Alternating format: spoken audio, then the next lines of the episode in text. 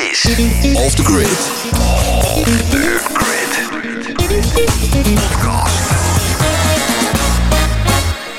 Het is eh, donderdag 5 november 2020. Welkom bij aflevering 1 van alweer het tweede seizoen van Off the Grid.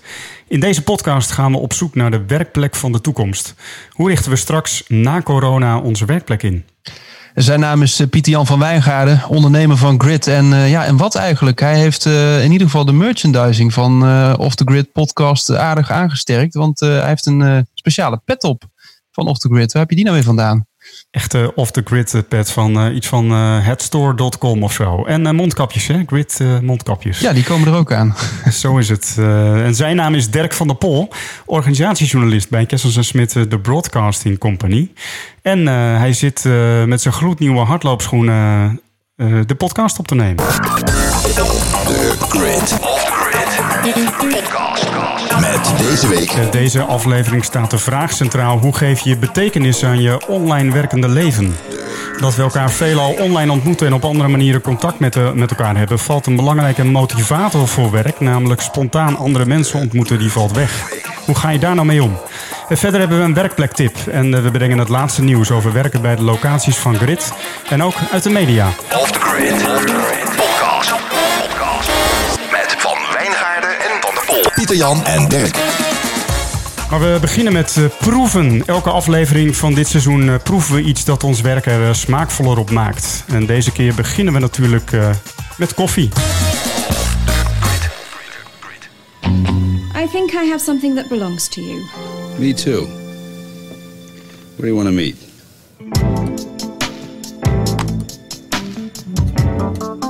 Miss Valuton? That's incredible. I know. I always imagined you to be much more. Taller. No, no, um, much more ristretto. Off the Grid. Podcast. Uh, deze keer, uh, Dirk, geen Keen koffie of Pezen koffie zoals we die schenken bij Grid, maar uh, wat dan wel? Ja, je kon het al een beetje ontcijferen uh, naar aanleiding van de commercial die je net hoorde. Met de, de prachtige diepe stem van George Clooney. Uh, Nespresso, what else? Uh, ja, nou, jij weet dat, maar de luisteraar misschien niet. Ik heb een tijdje bij Nespresso gewerkt. Dus, uh, en dat vond ik zo fantastisch als koffiespecialist destijds. dat ik me ook sterk een ambassadeur voel van Nespresso. Nog, nog altijd. Steeds. Nog altijd. Zoals nog altijd. Ja. En ja, we dachten het is wel goed. want Pieter Jans, jouw espresso-machine die is stuk gegaan, hè? En jij kwam advies inwinnen bij mij. Klopt, ja. Ik uh, had een klein uh, espresso-apparaat, zeg maar. En ik had gewoon uh, trouw bestelde ik de koffie bij Keen of af en toe eens een, een pak Lavazza uit de supermarkt. Maar daar zet ik echt heerlijke koffie mee. Maar op een gegeven moment gaf, die kortsluiting. En toen dacht ik, ja, toch maar even een, een Nespresso-apparaatje als vervanging regelen. Dus heb ik even snel besteld bij bol.com. En dezelfde dag nog de koffie in huis. Dus dat doen ze wel netjes. Ja, fantastisch. Ja, dat past ook helemaal bij Nespresso. Hè? En uh, ja, eigenlijk uh, is dat ook precies de ambitie van Nespresso natuurlijk. Uh, de perfecte barista kwaliteit koffie bij jou thuis krijgen. En dat begon ooit wel mooi, Piet Jan. Een klein feitje, want de oprichter van Nespresso is niemand minder dan Erik Favre. En hij was werknemer bij Nestlé en kwam met dit concept van Nespresso, een manier van koffie zetten. En hij had een Italiaanse vrouw. Um, en uh, die nam hem een keer mee en die zei van ja, je moet echt eens in Italië koffie proeven. En daar was hij zo van onder de indruk. En zo is hij op dat concept gekomen van uh, Nespresso koffie, zeg maar. Um, maar ja, we, we, gaan, ik kan het natuurlijk heel lang gaan lullen, maar ik heb hier uh, de ristretto in mijn handen. De ristretto, ja. De ristretto. En normaal drinken ze natuurlijk een ristretto als 25 milliliter max. Een heel klein, extreem geconcentreerd kopje koffie. Zelf persoonlijk drink ik hem deze dagen als espresso heb je toch net wat langer dat uh, genietmomentje. En uh, nou, ik ga hem nu hier even zetten. En jij hebt hem volgens mij al gezet. Ja, ik heb hem ook als espresso gezet uh, deze keer. Ja. Dus we gaan hetzelfde proeven. En, je kijk, als het goed is hoor je het gebrom van mijn machine. Of misschien net niet, ik weet niet. Maar doet het eigenlijk best stil, hè? Dat is redelijk stil. Maar jij ruikt denk ik de geuren die nu uit de, de capsule ja, komen.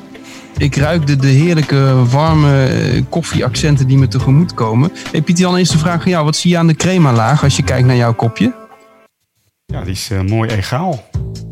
Mooi egaal, hè? Ja, zeker. Ja. Ja, waar, uh, waar andere, met name de, de decafine, decafeïne heb ik het idee dat er meer bubbeltjes in zitten. Maar deze is super mooi egaal. Ja, ik, ik heb hem ook Ja, in een wit kopje gezet. Dus ik kan hem mooi, zeg maar, eh, mooi even rond laten glijden. Ja, mooi hè? Nou, eh, cheers. Even, even walsen. Ja, cheers. Ja. Nee, wat, wat wel mooi om, om, is om te weten, hè, zo'n, die ristretto die kent een mooie techniek van eh, branden. Dat heet split roasting. Dat betekent eigenlijk dat je één gedeelte van de bonen, die eh, brand je wat lichter. Dat is eh, met name de Arabica gedeelte van, eh, van deze koffiebonen. die is wat lichter gebrand. En wat, wat krijg je dan? Dan krijg je iets meer aroma's in je koffie. De, de wat meer frisse tonen. Want als je ook goed ruikt, Piet Jan. Als je goed ruikt, dan ruik je ook een, een subtiele frisheid. Daar is een soort ja, fruit eh, idee krijg je erbij, hè? Ja, klopt. Mm. Het is heerlijk eh, werk. Eh, we, nou- we nemen dit op om, eh, wat is het, eh, kwart voor vier, tien voor vier inmiddels. En ehm, ja, ik, heb, eh, Ja. ik, ik probeer het wel te limiteren, dus eh, max eh, drie espresso's op een dag. En eh, ik moet zeggen dat ik mijn bonenmalertje ook wel mis met eh, de, de vers gebo- eh, gem- gem- gemaalde bonen. Maar ik vind dit echt een prima alternatief. En ik had er niet aan moeten denken om ehm, eh, zeg maar aan de slappe koffie te zitten in, in deze periode van thuiswerken. Nee, dat zou echt verschrikkelijk zijn. En we nog even heel klein om het af te maken, hè? want ik had het dus over die split roasting. Dat tweede gedeelte is dus wat donkerder gebrand. Dus daardoor Ah, krijg je echt die volle, ronde body. ehm, en echt die, die aangename bitterheid, die komt daar mooi tot uiting. Dan krijg je echt een prachtige nuance in de koffie. Dat maakt hem natuurlijk heerlijk, ja. Hey Dirk, Maar, eh, eh, jij, bent, jij bent in staat om eh, zeg maar, aan ieder persoon een soort Nespresso koffie toe te vertrouwen. Hè? Dus dat is een, eigenlijk een soort coaching die jij aanbiedt. Om zeg maar, met mensen in gesprek te gaan en dan te zeggen van nou, deze koffie past prima bij jou. Dus mochten luisteraars daar interesse in hebben, dan is het natuurlijk mooi om Dirk daarvoor te vragen. En als je vragen hebt over welke Nespresso het best bij je past, dan weet je hem te vinden. Zeker, of als je wil weten hoe je überhaupt eh, je koffie nou perfect zet. Ja, eh, trek me even aan, je, aan mijn jasje, virtueel dan, online. Ja, Off the grid. De wandelgangen. De wandelgangen. Eh, voordat we verder ingaan op de vraag hoe geef je betekenis aan je online werkende leven, nemen we de nieuwtjes door uit eh, de wandelgangen van onze gridlocaties en ook uit de media. Dirk, jij was gisteren nog op eh, Bloemenheuvel. Ja, klopt. Ik was gisteren op Bloemenheuvel. Ik moet zeggen dat het eh, nou, een aangename sfeer. Het was mooi weer ook. Dan vind ik altijd dat Bloemenheuvel het best tot zijn recht komt. Ik weet niet of jij dat ook zo hebt. Als die zon naar binnen Ja, schijnt, prachtig. ja, Ja. dat doet wat gewoon. En zeker met die herfstbladeren en die kleuren. Dus ik was, ik was heel blij om even eh, mijn thuiswerkplek te verlaten. En even te genieten van eh, nou, het comfort en de fijne manier van werken op Bloemenheuvel. En ik, eh, het viel me ook op dat die, eh, die stickers zijn ook wel heel mooi geworden. Hè? Met, met de corona-maatregelen aangewezen. Van draag een mondkapje, anderhalve meter eh, afstand. Eh, die pijlen eh, die zijn eh, wat chiquer. Dus dat, dat eh, oogt allemaal lekker fris. Ja, Mooi, dus, eh, dan nee, eh, ga je er nog meer aan houden, of niet? Dat deed je al natuurlijk. Hè. Ik, eh, ben, ik, nou, ik hou me altijd heel trouw aan mijn werkplek schoonmaken met eh, de, de spray en zo.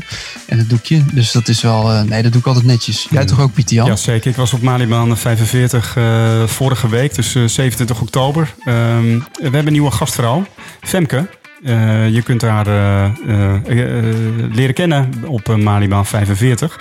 En we hebben ook een nieuwe vloerbedekking. En ehm, er is een, nieuw verfje in de hal, in het werkcafé. Dus dat ziet er ook allemaal weer fris uit daar op Malibaan 45. Ehm, ja, het gaat natuurlijk over veilig werken. Dus ik had voor mezelf de hele dag een ruimte geboekt. En dat is dan ook alweer een beetje saai. Omdat, je omdat ik dan de hele tijd achter mijn beeldscherm zat te zoomen. Ja, dan ga je toch voor die ontmoetingen. Dan heb je die nog steeds niet, omdat je dan Nee, ergens anders eventjes eh, koffie gedronken met Lenneke, die er toen was. En eh, Niels natuurlijk weer gezien. Saskia even gesproken. eh Annemarie was er. eh Jannie liep nog rond. Dus die zijn Ja. wel even wat mensen gezien. En dat was hartstikke fijn. Maar daar word je toch gewoon heel blij van. Ik kan me nog herinneren dat toen ik net terug was uit Italië, dat wij afspraken, Pieter Jan, en dat we aan die, aan die koffiebar eindeloos hebben zitten kletsen over ja, eigenlijk niks. Maar dat maakt juist wat werken zo leuk is. Ja, toch? Ja, zeker. Hey, dan gaan we even naar een, eh, een interessante LinkedIn-post. Want wij hebben natuurlijk voordat we begonnen met het tweede seizoen eh, nog gevraagd of bewoners eh, zin hebben in een goed verhaal. En ehm, er kwam een hele leuke reactie op van Marcel Collion. Die, die zou het wel leuk vinden als Cosmos Blauw een keer in de uitzending komt met Share People. die natuurlijk een, een, ja, een soort alternatief heeft voor een broodfonds. En tegelijkertijd hebben we op de Malibaan, Malibaan 45, ook het broodfonds. Dus het zijn twee interessante perspectieven. Dus we willen jullie even zeggen, Marcel Collion, we hebben je bericht gelezen. Cosmos, we gaan je zeker uitnodigen voor een, een, een editie van onze, in onze tweede seizoen. Dus dat komt helemaal goed. Ja, dat zien we helemaal voor ons. Een eh, gesprek uh, met uh, vertegenwoordigers van het Broodfonds en Share People over de toekomst van werk, ook als het gaat over arbeidsongeschiktheid. ik las zelf nog een bericht op nos.nl dat Vodafone Ziggo heeft aangekondigd dat ze niet meer terug gaan keren naar vijf dagen in de week op kantoor werken. Dus ehm, ze zeggen dat ze de eerste grote werkgever van Nederland zijn die dat aankondigt. Het gaat om een vrijwillige regeling waarbij mensen twee tot drie dagen per week thuis kunnen blijven. Omdat ze merken dat, dat uh, medewerkers veel eh, plezier uh, ervaren aan het thuiswerken. En dat betekent dus ook dat als je medewerker bent van Vodafone Ziggo, dat je zo'n 1000 euro aan fiscale ruimte krijgt om te investeren in kantoormeubelen. Wat zou jij dan aanschaffen, Dirk? Uh, nou, in ieder geval een, een fatsoenlijk zit-sta-bureau of zo. Ik, en, en ik heb, ja, mijn werkplek is ergonomisch onverantwoord, maar dat is nog een onderwerp waar we het over gaan hebben. Maar uh, een goede stoel en, en een goed bureau, denk ik, ja. Ja, ik heb zelf een bureau wat een hoogte verstelbaar is. Dat is wel echt uh, super fijn. Oh, relaxed. Zou jij nog iets anders aanschaffen dan? Uh, nee, ik schaf altijd alles aan wat ik wil, dus uh, ik heb geen wensen meer. Zo ken ik je. Hey, hey en uh, Piet-Jan, er is ook iets nieuws over Amsterdam, hè? Zo is het, ja. Er is nieuws over Amsterdam, omdat we gaan een nieuwe locatie openen in Amsterdam. Amsterdam-Noord, Ponthaven genaamd. We proberen even contact te zoeken met Mara Spruit. Zij woont in Amsterdam-Noord, om eens even te horen wat voor buurt dat er eigenlijk is.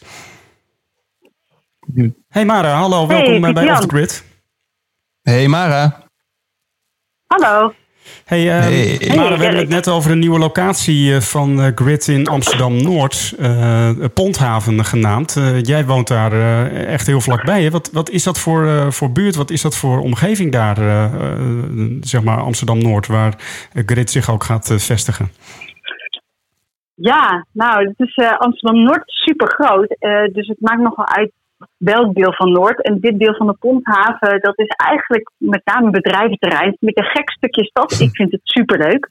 Want um, het is niet per se het mooiste deel van Amsterdam, maar er gebeurt ontzettend veel. Er zitten heel veel creatieve ondernemers, uh, leuke bedrijven, um, horeca. Um, het is bij mij in de achtertuin en uh, ik vind het heel leuk dat Ponthaven er nu gaat komen. Ja, tof. Je bent, er, je bent er al geweest ook, hè? Hoe, uh, hoe, hoe en je, wat ik hoorde van jou is dat, het met name, dat je het met name heel fijn vond om ergens uh, op de tweede of derde verdieping te werken vanwege ja, het uitzicht. uitzicht op het ei met de boten die voorbij uh, komen varen. Dat is wel mooi, want net als je gedachten kunnen die dan ook een beetje zo voorbij komen varen. Ah, ja, ja, Mara, dat, dat, dat zie ik al helemaal voor me inderdaad. Dat heb je nodig, een beetje mijmertijd. Ja, toch? maar is het dan ook een beetje, beetje raw industrial? Maar. Dat, dat rauwe Amsterdamse indust, industrial look vibe. ja, ik, ik weet niet wat jij je daar precies bij voorstelt, eh, Dirk. Maar ik denk wel dat het die, uh, die uitstraling een beetje heeft, inderdaad. Het is niet zo af. Het is een beetje rommelig qua buurt. Um, ja, dus het heeft wel een beetje dat, dat gevoel. En dan het uitzicht op het water en aan de andere kant de, de pakhuizen. Ja, dat geeft al dat uh, rommelige grootstedelijke gevoel wat, um, nou ja, wat ik in ieder geval heel leuk vind in Amsterdam. Die zijn heel anders dan uh, Malibaan en Bloemenheuvel. En uh, Mara, volgens mij ben je ook best wel actief uh, in, in jouw buurt. Hè? Of wat, dus, ik zou het wel mooi vinden als er nog mogelijkheden zijn om ook ja, daar iets te betekenen. Of zie jij daar al kansen? Of? Ja, wie weet. Nou, het is wel spannend, want het is, uh, die buurt, het Hamerkwartier, is echt ontzettend in ontwikkeling. Uh, er gaat ook heel erg veel gebeuren de komende jaren. En dat is ook voor specifiek deze buurt wel spannend. En misschien dat uh, de locatie daar wel een rol in kan spelen. het is een echt een volksbuurt ook. Dus uh, veel sociale huurwoningen. En mensen die daar wonen, die zien het maar een beetje met ledenogen aan dat hier van alles wordt ontwikkeld en dat de juppen komen en zo. Nou ja, daar kan je je wel iets bij voorstellen. Dus wie weet kan, kan Grid Pondhaven ook wel een ontmoetingsplek zijn voor ja, de verschillende mensen die in deze buurt eh, actief zijn, om het maar zo te zeggen. Het is niet alleen juppen, maar ook uh, uh, mensen zeg maar, die wellicht wat minder te besteden hebben. Wellicht ook een stukje horeca of iets dergelijks. Ja, nou, mooi ja, zijn. 1 december gaan we, gaan we open met een zogenaamde soft launch. Dus we gaan gewoon stap voor stap beginnen. Ehm, deze tijd is natuurlijk lastig om echte grote investeringen te doen. Maar vanaf 1 december ben je van harte welkom om te komen werken op Grid Ponthaven. Mara, uh, dankjewel uh, voor jouw eh, bijdrage. En fijn om even te horen uit uh, Amsterdam-Noord. Ik kijk er naar uit. Dankjewel. Veel plezier jullie. Dit is Off the Grid. Off the Grid. Podcast. Ja, in deze aflevering staat de vraag centraal: hoe geef je betekenis aan je online werkende leven? Um, dat we met elkaar veelal uh, eigenlijk online ontmoeten op, op, op dit moment. En um, uh, uh, eigenlijk op een hele andere manier contact hebben met elkaar, valt een belangrijke motivator die we hadden voor het werk, namelijk elkaar ontmoeten en ook spontaan andere mensen ontmoeten, valt dan weg. Uit de publicatie Thuiswerken en de coronacrisis van het Kennisinstituut voor Mobiliteit eh, blijkt dat tussen de 55 en de 70 procent van de thuiswerkers eigenlijk wel positieve ervaringen heeft met thuiswerken. En dan zijn de eh, belangrijkste voordelen dat er geen reistijd is en toch ook een hogere productiviteit eh, wordt ervaren. Maar wat vooral gemist wordt, is het directe contact met collega's.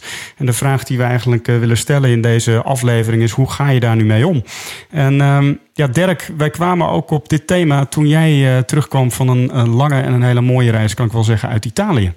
Ja, zeker. Ja, dat klopt. Uh, en dat is ook wel een vrij filosofische vraag. Maar ik, ik kan me nog goed herinneren, ik kwam met die, die diverse zonnestralen die ik in Italië op had gedaan, kwam ik terug. Het was herfst en ik hoorde dat we ja, inderdaad weer wat strenger meer thuis moesten gaan werken. En ik weet dat ik die eerste dag achter mijn laptop zat en ja, mezelf gewoon meteen die vraag stelde, ja, hoe ga ik nu als dit zo lang gaat duren, hoe ga ik dan nou betekenis geven aan mijn online werkende leven? En hoe doe je dat dan? Hoe onderhoud je nou goed contact met collega's, met opdrachtgevers? Um, uh, ja, want alles vindt, bevindt zich in jouw kamer. Uh, in, in, hier voor mij in, mijn woonkamer, achter dat bureautje waar ik het uh, daar straks al even over had. Ja, daar, daar moet ik dus betekenis geven aan mijn werkende leven. Ja, dat is toch even een ander verhaal. Misschien moeten we beginnen, Dirk, bij de vraag: wat gaf ons eigenlijk, wat gaf ons werk betekenis voordat we zeg maar, thuis opgesloten zaten, om het zo maar eens even te zeggen. Dus voor de coronacrisis, wat, ja, wat gaf ons werk uh, toen betekenis? Als ik daar zelf wel vast op kan antwoorden, was dat toch ook wel uh, op pad zijn. Uh, en ook in het werk als adviseur. Zomaar eens een bedrijf binnenlopen waar je weer ja, een hele andere sfeer ontmoet soms. Andere mensen. ook wel de toevallige ontmoetingen. Hoe is dat voor jou? Ja, heel herkenbaar. Want uh, ik, ik, werk natuurlijk als organisatiejournalist. Dus dat betekent dat ik uh, veel binnenstap bij bedrijven en me dan bezighoud met persoonlijke verhalen van mensen over hoe zij bezig zijn met veranderen, leren en ontwikkelen. En uh, het helpt wel als je feeling hebt met. kunt krijgen met waar iemand zich bevindt in het werk. Hè. Dus als je het over schrijft, dan wil je gewoon iemand zien in interactie. Uh, en dan proef je sfeer. En dat geeft ook zeker om, uh, voor het schrijven kun je dan ook heel veel meenemen daarvan in je teksten. Dus, dus je moet ook op een andere manier uh, dan daarmee bezig zijn. En ik, ik herken wel wat je zegt, dat op pad zijn, dat, dat is het allerleukste. Dat je juist van die random dagen hebt. Dat je dan s ochtends ergens uh, in het uh, noorden van het land zit en, en, en, en smiddags weer in het zuiden, weet je wel. En dat je af en toe denkt van, ja jeetje, ik ben toch ook gek ook dat ik gewoon al die kilometers afleg in die auto. Maar ik vind het zo leuk. Ja. Uh, en ja, dat gaf voor mij wel heel veel betekenis, ja. ja. De, mm, de, de kans op spontaniteit wordt dan ook wat groter, hè? Het is nu allemaal zo gepland. Ja, wat heb, heb jij dat ook, zeg maar? Of ja, ik ken dat helemaal. En met name nu in die tweede lockdown beginnen er projecten, zeg maar, bij bedrijven en met mensen die ik, uh, waar ik nog nooit in het echt geweest ben, om het zo maar eens even te zeggen. En de mensen die ik ook nog nooit in het echt heb ontmoet. En uh, het is toch wel vreemd om uh, zeg maar, ja, aan een strategisch project te werken. Bijvoorbeeld voor een bedrijf waar je nog nooit bent binnengelopen. En ook even kan voelen, hoe is het hier zeg maar, tussen de muren? Wat voor kunst hangt erop? hoe wordt de koffie gedronken? zitten de deuren dicht of staan ze open? Ja, dat, van die kleine signalen die toch ook wel ja, niet altijd bewust, maar ook onderbewust een bepaald, uh, bepaalde sfeer met zich uh, meenemen. En, en eh, hoe ga je daar dan mee om? Hoe, eh, hoe doe ja, je dat? Ik, ik, eh, ja, dat gewoon maar doen. En kijken wat dat oplevert. Dus ik, dat is ook nog wel een vraag voor me. Ik las in ieder geval een artikel in Trouw. Ik heb hier de, de weekendbijlage van een week geleden, van 24 oktober. Daar las ik een artikel van de filosoof Pieter Hoeksum. En hij schreef over thuiswerken. En vooral ook over het verschil tussen de publieke en de privésfeer. En dat wordt eigenlijk bij thuiswerken een beetje opgeheven, zegt hij. En hij zegt van die privésfeer en die publieke sfeer, dat zijn twee hele belangrijke componenten van mens zijn. Want we willen namelijk eh, ons afzonderen, dat is dan de privésfeer, maar we willen ook ergens bij horen. En ehm, bij die privésfeer hoort dan onze rol als individu en bij die publieke sfeer veel meer onze rol als lid van een gemeenschap. En eh, ja, dat maakt natuurlijk ook eh, de contacten eh, bij, eh, met je team, met je bedrijf, met je organisatie ook zo belangrijk. Dat je je echt onderdeel voelt van een gemeenschap. En eh, vroeger in de middeleeuwen werkte eigenlijk iedereen thuis. Eh, en in de renaissance ontstond er zoiets als een eh, privéleven. En in de 19e eeuw eh, werden eigenlijk werken en, en wonen eh, twee verschillende plekken. En toen is dat eigenlijk wat meer uit elkaar eh, getrokken. En eh, nou, ik heb wel het idee dat daar, een, eh, dat daar een onderscheid ligt wat ons kan helpen. Die privé en die publieke sfeer. Die privésfeer die zich nu eh, voornamelijk natuurlijk eh, thuis eh, afspeelt. En die publieke sfeer waar we waren als we op het werk waren. Maar nu is dat Mhm. eigenlijk eh, dezelfde plek. Ja, dus eh, inderdaad, werken, wonen, leven wordt één plek. En eh, hoe, hoe maak je dan, eh, hoe, maak je, hoe scheid je dat dan? Dus, hoe, hoe doe jij dat? Ja, dat is eh, als ik de hele dag zeg maar achter mijn computer zo zit te werken, is dat eh, best lastig. En ehm, eh, ja, merk ik ook dat het makkelijker is om mezelf ook af te zonderen. Dus en dat is, de, dat is natuurlijk ook je afzonderen is natuurlijk ook gewoon met je gezin optrekken. Dus dat kan ook leuk zijn. Maar ik merk dan ook wel dat het snel out of sight, out of mind is. Hè?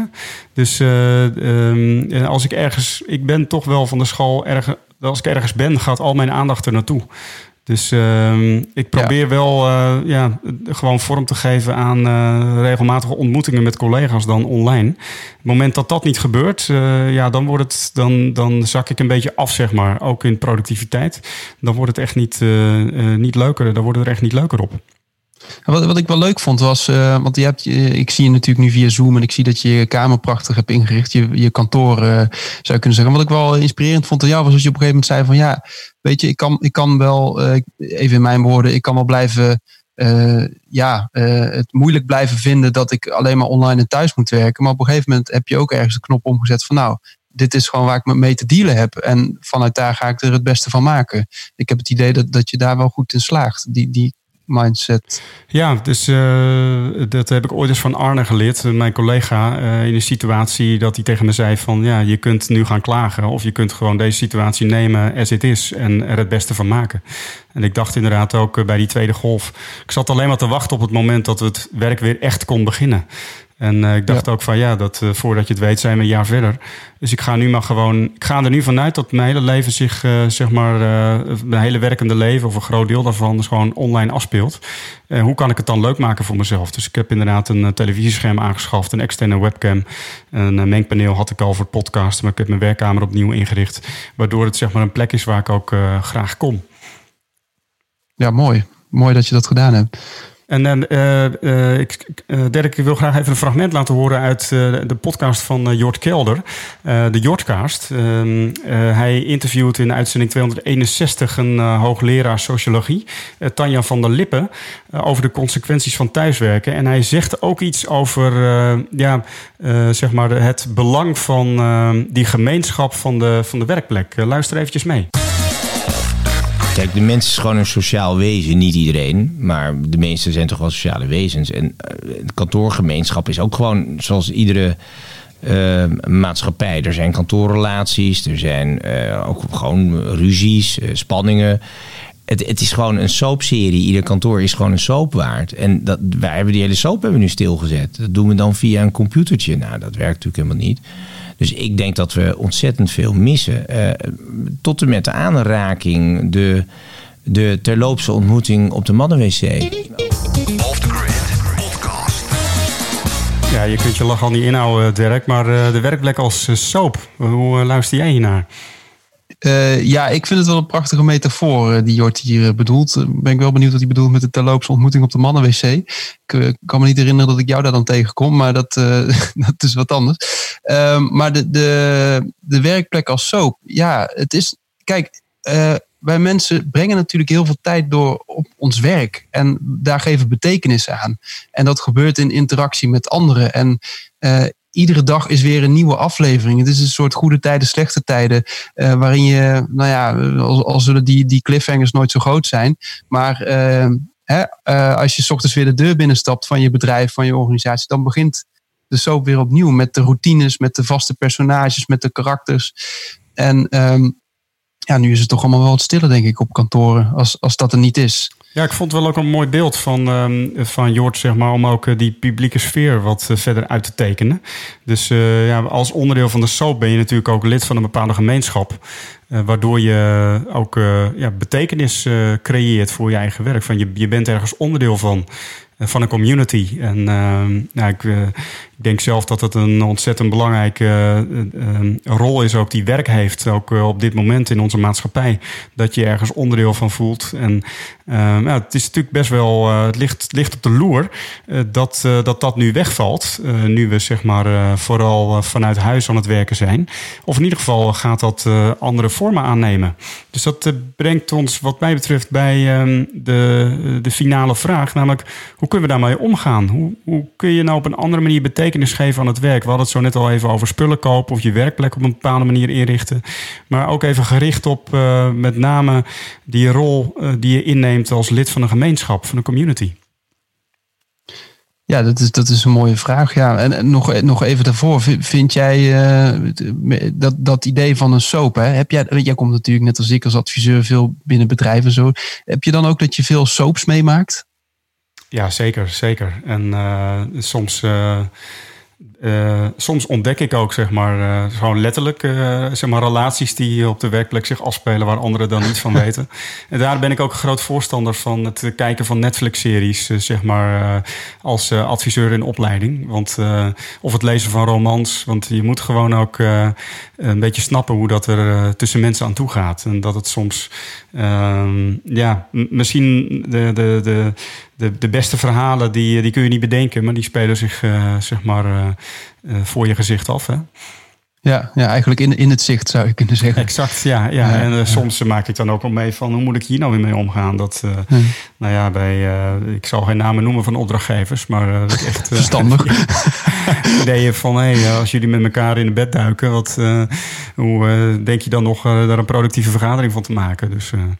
Nou, dat soort stel dat iemand nu rode koontjes krijgt, dan uh, weet hij of zij best wel waarom. Precies, uh, dat is het voordeel van thuiswerken. Je kan gewoon uh, je beeldscherm uitzetten. Ja. ja, zeker. Al lukt dat niet iedereen, geloof ik. Ik was laatst iemand die iets dubieus deed en daardoor ook ontslagen was. Oh, oké. Okay. Ja, dan moet je dan ook even uitkijken.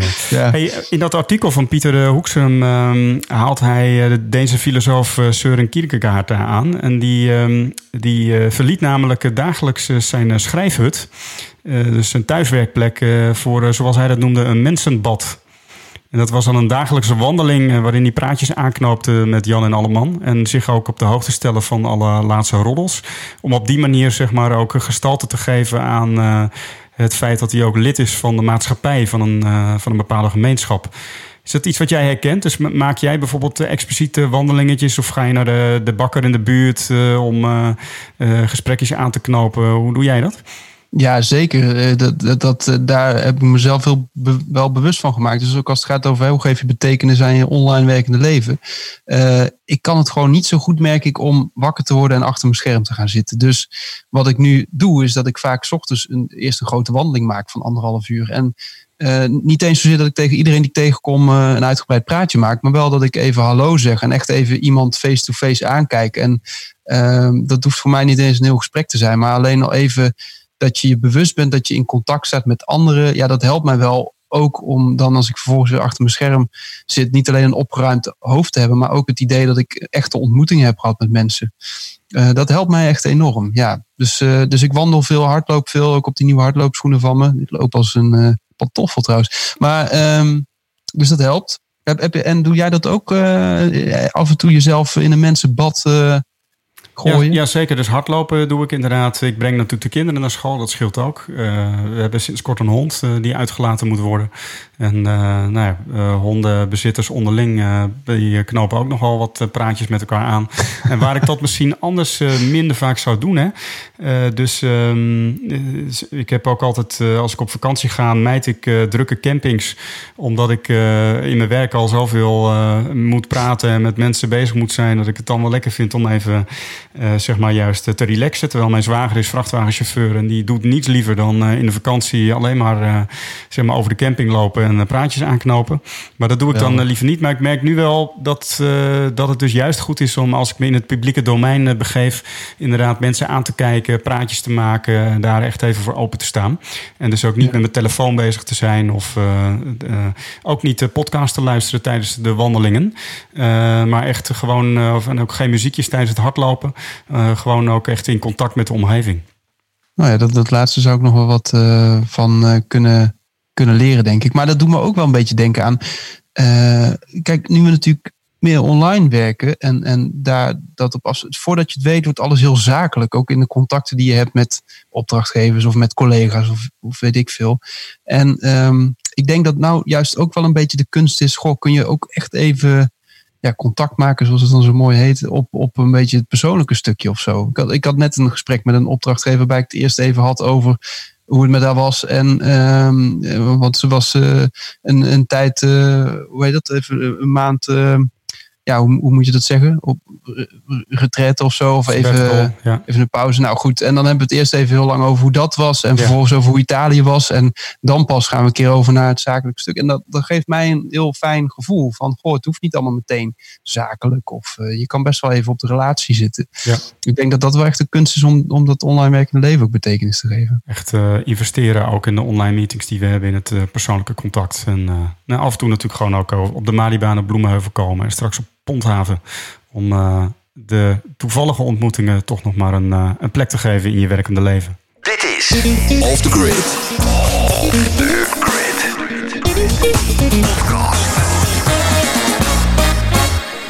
Elke aflevering in dit tweede seizoen komen we ook met een werkplek-tip. Hoe kun jij jouw remote werkplek, die waarschijnlijk een blend is van thuiswerken, af en toe op kantoor zijn en ook misschien bij Grid of een andere coworkspace, hoe kun je die plezierig inrichten? Deze keer heb ik een column voor je van Hidde de Vries. En die is gepubliceerd op de website van RTL Nieuws. Hidde de Vries is spreker en oprichter van een trainingsbureau.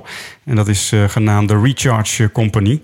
En hij richt zich op vitaliteit en persoonlijke ontwikkeling. Dus het is zijn vak om zich bezig te houden met vitaliteit. Vandaar dat de kop van de column is zombies zijn een groter gevaar dan corona. Heb jij nog idee wat zombies zijn, Dirk? Ik denk mensen die het vermogen hebben om uh, van 9 tot uh, 6 aan één stuk alleen maar in Zoom-meetings te zitten en vervolgens uh, geen ogen meer over te hebben. Denk ik hoor, maar ik, Precies, weet niet. Daar gaat het inderdaad over. Dat, dat um, ja, hij heeft dus het idee dat dat een groter gevaar is voor de samenleving dan corona. Nou ja, over de feitelijkheid, dat laten we het maar eventjes zitten. Maar het leuke aan de column is dat hij een aantal adviezen geeft. Um, waarvan um, hij ziet dat ze voor ruimte zorgen. dus Hidde de Vries. En misschien leuk om die adviezen even langs te lopen, ook als uh, tip uh, voor deze uitzending. En maar eens even kijken of wij daar zelf ook uh, voor mag geven, Dirk. De eerste idee. is namelijk stoppen met continu zoomen, of welke videobel-app dan ook. Dus wissel digitale sessies af met gewone telefoongesprekken. En doe dat af en toe ook tijdens een wandeling buiten in de natuur. De beweging en frisse lucht zijn namelijk heel belangrijk voor de vitaliteit. Kan jij daar een vinkje zetten, Pieter Jan? Uh, ja, maar zoals ik al zei, als ik dan ga wandelen, dan doe ik dat liever uh, niet bellend. Dus, ja. uh, um, dus wat dat betreft, maar ik, ik, ik zoek af en toe wel echt heel bewust telefoongesprekken op. Dus wat dat betreft kan ik wel een vinkje zetten. Oké, okay, ja. Nou, leuk. Ja. Ik ook. Mooi. Dan gaan we naar de tweede. probeer waar mogelijk gedurende de dag van omgeving te veranderen. We blijven in ieder geval niet de, de, de hele dag op dezelfde stoel zitten. Kun jij daar een vinkje zetten? Uh, ja, uiteindelijk wel, ja. ja, ja. ja nee, dit, op deze stoel zitten is acht uur lang gewoon niet te doen, dus dan moet ik wel. Ja, dat is Jij? het- ja, zeker. Eh, dus ik, ehm, ik eh, varieer ook in de bureauhoogte. Dus ik heb een, een, een eh, barkruk waar ik af en toe op zit als mijn bureau omhoog staat. En een eh relaxte bureaustoel als mijn bureau eh, omlaag staat. Ja, je hebt gewoon budget gekregen van Vodafone Ziggo, denk ik. Zo is het, ja. Ehm, de derde tip is: eh, zorg dat eh, meetings maximaal 50 minuten duren in plaats van 60. En zo heb je namelijk de mogelijkheid om je benen te strekken, water te drinken en je hersenen te heractiveren. Over eh, water drinken gesproken, na die ristretto heb je ook al wat water nodig. Ja, klopt. Hij is wel eh, geconcentreerd, hè? Ja, zo- is het, dus ja. eh, ja. Smelt nog lekker na. Maar nee, grappig. Dus die 10 minuten zijn dan echt heilig, zeg maar. Om ja, dat te blijkbaar. doen. Doe ik niet Ja. eh, direct, maar ik zorg wel eh, in ieder geval dat mijn koffiezetapparaat eh, een eentje van mijn werkplek staat, zodat ik in ieder geval moet blijven lopen. Nou, ik heb hem hier naast me staan op de stoel. ja. De vierde tip, zet alles uit aan het einde van de dag. We missen ons ritje naar huis, dus ga met de kinderen spelen, boodschap doen, ruim je spullen op. Zorg dat de keukentafel ook uiteindelijk weer keukentafel wordt. Vinkje. Ja, Ja. voor mij ook. Jij? Yes, ja. Ja, mooi. Eh, doe eens iets anders. eh, doe eens iets voor een ander. Je prikkelt daarmee je brein op dezelfde manier als dat je dat zou doen als je iemand ook daadwerkelijk ziet. Dus dat is interessant, ook als het gaat over waar we het net over hadden, die publieke sfeer. Je hoeft misschien nog niet eens eh, andere mensen te zien, al denk ik dat het toch wel heel fijn is. Maar je kan ook gewoon iets voor een ander doen. Wanneer heb jij voor het laatst iets voor een ander gedaan, Pieter Jan? Ja, goede vraag. Eh, ik, ik doe vrijwilligerswerk eh, hier in de inloophuizen Gorken, maar dat is helaas dicht. Eh, ik ben nog wel betrokken als bestuurslid bij een jongerencentrum en dat gaat gewoon door, maar het is meer bestuursmatig werk. Ja, ja. Ja, dat, is- dat is ook wel, want doordat je, je kunt elkaar niet zo goed opzoeken nu. Hè? Dus echt, ja, weet je, ik heb ook een vriend van me die verhuisd is. Ja, ik kan er niet echt iets doen dan qua meehelpen met verhuizen. Dan zou ik dat wel willen. Ja, maar nu klinkt voor degene die dat nu luistert, denk misschien, nou, het is die lui dat hij dat dan niet toch alsnog doet. Nou, je kan een kaartje sturen of een bosje bloemen of zo, hè? Dan doe je ook Ja, iets voor een ja, ander. dan doe je ook iets voor een ander. Ja. Ja. Dus je moet het ook niet zo groot maken. Zo is het, iets voor ja. je ander doen. Kleine dingetjes eh, helpen. Kleine dingen, ja. Eh, Zorg voor eh, positieve energie. Hij geeft het voorbeeld van de rappende meester Martijn, Hidde de Vries dan in deze column, die tijdens de eerste lockdown een TikTok-account aanmaakte om zo met zijn leerlingen in contact te kunnen blijven. Zo deden wij natuurlijk de favoriete, de favoriete muziekpodcast van Off the Grid tijdens de eerste Ja. lockdown. En de radioshow, dat zorgde ook voor positieve energie. Zeker, ja. En wat ik en nog één gouden tip over positieve energie. Het helpt mij dus om als ik eh, douche, om eh, de laatste minuut of twee minuten koud te douchen. Daar krijg ik echt een eh, opkikker van, mentaal. Oh, dat Dus schijnt heel goed te gouden zijn, tip maar voor jou ik heb het ooit eens geprobeerd, maar dat is aan mij niet besteed. En dan de laatste is stop met, het, met continu het negatieve tussen haakjes nieuws te volgen. Daar ga je toch niks aan veranderen. Nou, hier eh, mag wel een eh, groot uitroepteken van mij eh, achter. Met name toen de cijfers weer opliepen van corona, merk ik dat ik toch. ik had zelfs de NOS-app weer op mijn telefoon gedownload om zeg maar op de hoogte te blijven van alle nieuwe maatregelen, persconferenties en dergelijke. Maar eigenlijk brengt het me niks. Ja, dat kan ik me bij aansluiten. En, eh, en daar, daar wil ik ook wel eens vanaf. Ik begin de dag eigenlijk 's ochtends door eh, al dat nieuws eerst te lezen. En daar word ik eigenlijk helemaal niet blij van. Dus eh, mijn tip voor mezelf. Morgen ga ik gewoon wakker worden en niet mijn telefoon erbij pakken.